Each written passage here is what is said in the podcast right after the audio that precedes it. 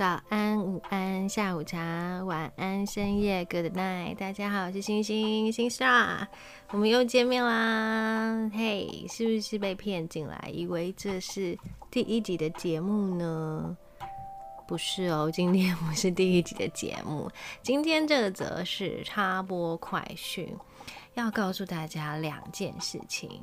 第一件事情是星莎的 Podcast 节目。给我小心点！节目的更新时间是每周三的晚上晚餐时间。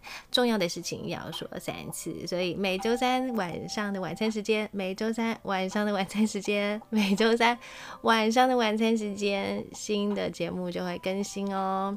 第一集会是在什么时候播呢？就会是在二零二一年。的时候播出，所以今天并不是第一集。好，那第二件事情是要跟大家宣布的是，昨天的试播短讯，呃，试播之后有收到了一些粉丝的回馈，跟粉丝的想法，还有听众的想法，说非常期待新开新节目，而且有很多很不一样的内容。嗯，很想听听看到底是在谈些什么，在讲些什么，嗯，就充满着期待感。我得到这些回馈也非常的开心，也给我很多的动力，想要继续嗯录制更多更棒的内容。但是也有一些粉丝就提到，嗯，好像嗯会少了些什么。好像没有办法跟新有多一点的交流跟互动，会不会有点可惜呢？那我就想一想，说其实，在开这个节目之前，有想过这个问题，就是，嗯，听节目的听众们跟粉丝们，就是听我设计的内容，或者是想要传达的概念跟想法，嗯，即便是会诊了，可能是不同的不同的。嗯，该怎么说？就是即便是经过整理或者是经过设计的内容，但都是由我出发，就我的视角出发，好像好像会少了一些互动跟交流。所以我就想，应该要怎么样可以让听众跟粉丝们可以跟我真的真的能够有一些比较多的互动，或者是感觉像是我跟。你们是一起的，而不是只有我说你们听而已。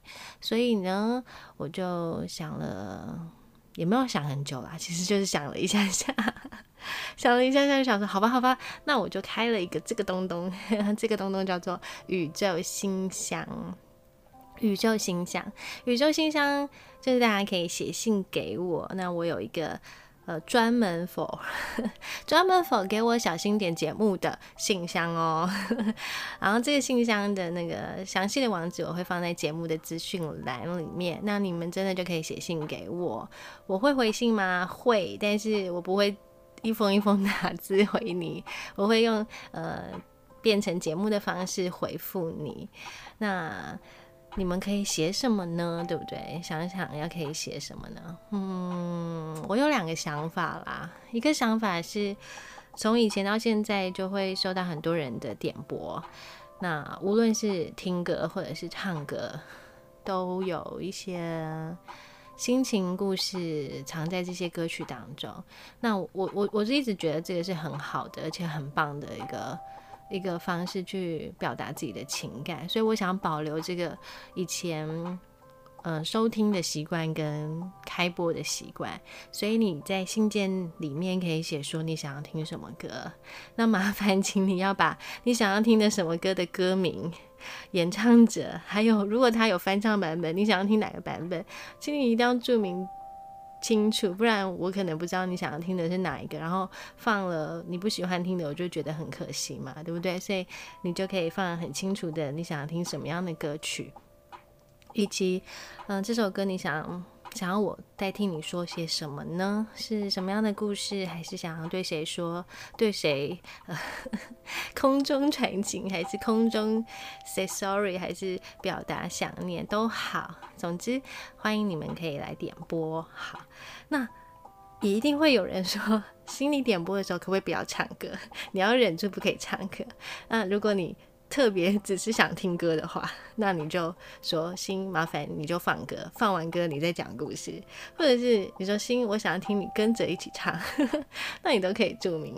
好，然后这样我就会知道你的要求，你的需求不是要求，是不是特别克制化呢？哈，我觉得是宠宠粉宠粉出名的。好，那这个宇宙信箱还可以写什么呢？嗯，我记得啊。我记得有一次，有一个听众朋友，他有一个非常大的面试，就工作的面试。那时候他非常的苦恼，于是我们就在呃直播间里面谈论了他面试的种种的问题，以及需要注意的事项，还有他被问了什么问题。然后我们跟就是我跟当时。那那那一天，在在直播间里面的听众就回应了他非常多的，呃，就是面试会遇到的状况，还有还有考情境题等等之类的。然后我突然发觉，其实大家都是。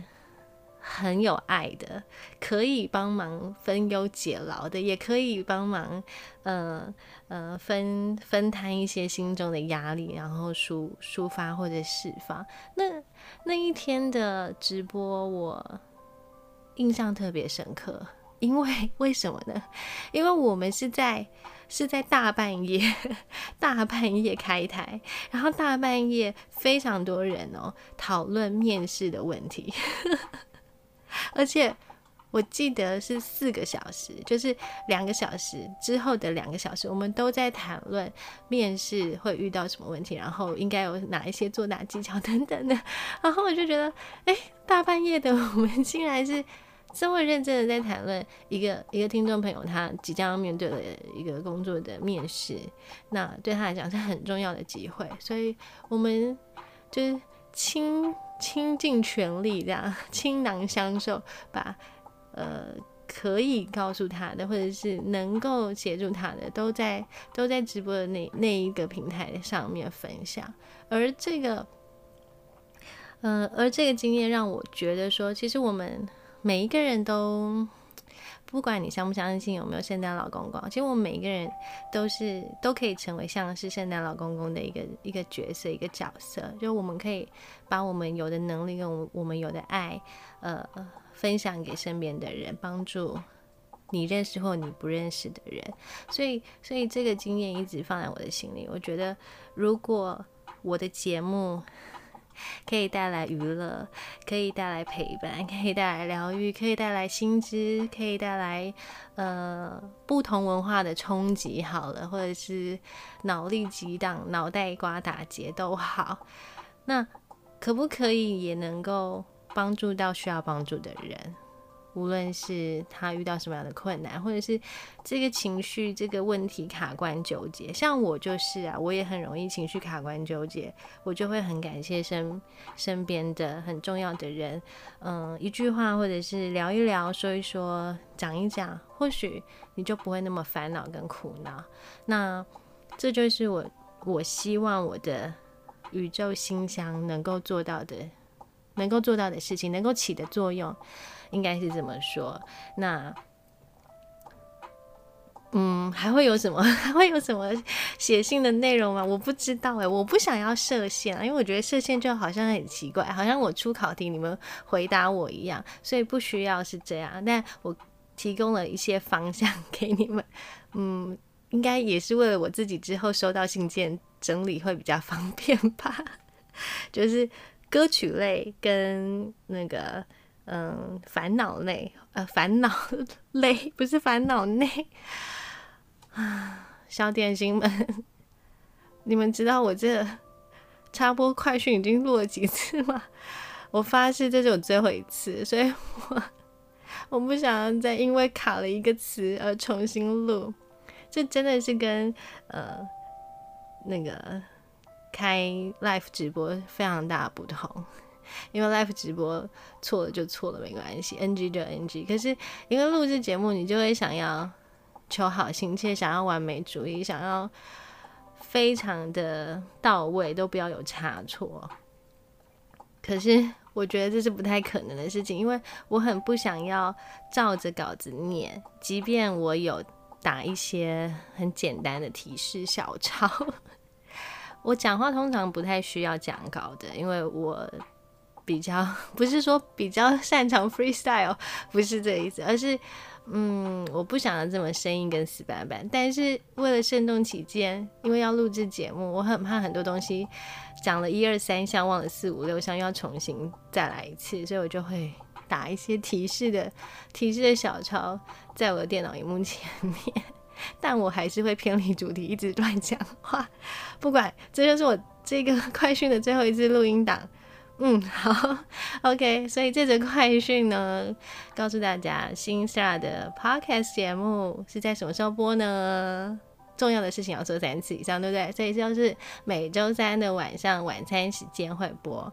然后还有一个很棒的、很棒的宇宙信箱，希望你们可以写信给我，然后我收集到一定的量之后，再整理一下，就可能会开。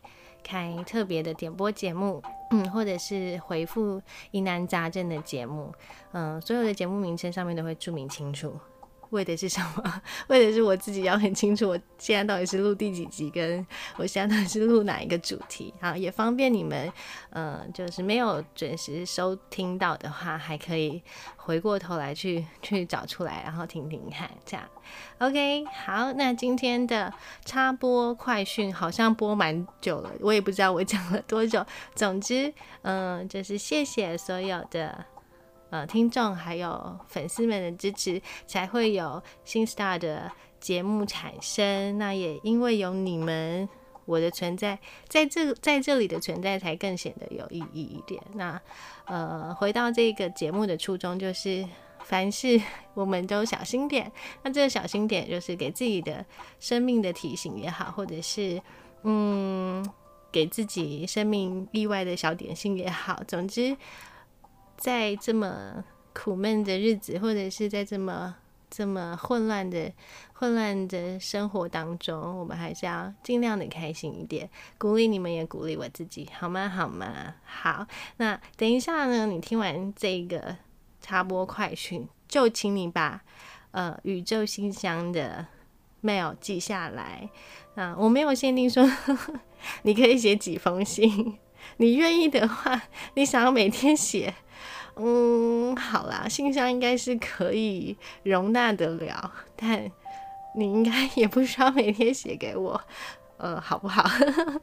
总之就是你你你们想要点歌，OK，或者是想要跟我分享什么事情？哦，对了对了，其实你也是可以跟我。讲说，呃，给我建议也好，或者是给我回馈也好，或者是，嗯，想要听什么样的主题，或者是我没有讨论到的议题，或者是哪一集的内容，你还想更做更多的延伸讨论都好。总之，这个宇宙信箱就是开放给你们的。好，就开放给你们的。OK，我一直很怕你们不能够理解我想表达的，所以我尽量的解释清楚，好吗？好的，那嗯，第一集的正式节目就会在二零二一年上传，所以请期待，也请持续的锁定。好，我相信你们应该都已经关注、追踪，哎，关注、追踪。订阅对不对？关注、追踪、订阅，然后准时出现收听哦。OK，好，我是新 star。哎呦，我你们知道吗？我我我觉得我的 opening 很棒，可是我每次都卡在 ending。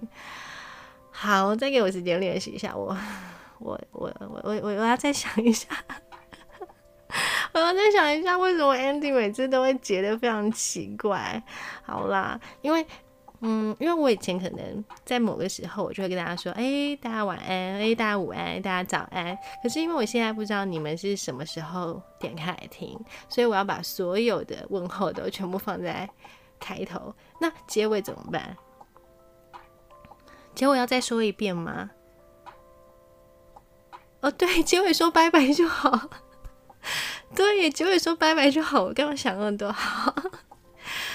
嗯，好，这就是新沙，这就是我，然后这就是我们非常真实的录音现场。OK，谢谢你们的收听，希望希望你们今天喜欢呃这一则插播短插播快讯，然后插播快讯里面的宇宙信箱，宇宙信箱麻烦请你们记起来哦，好，期待收到你们的来信。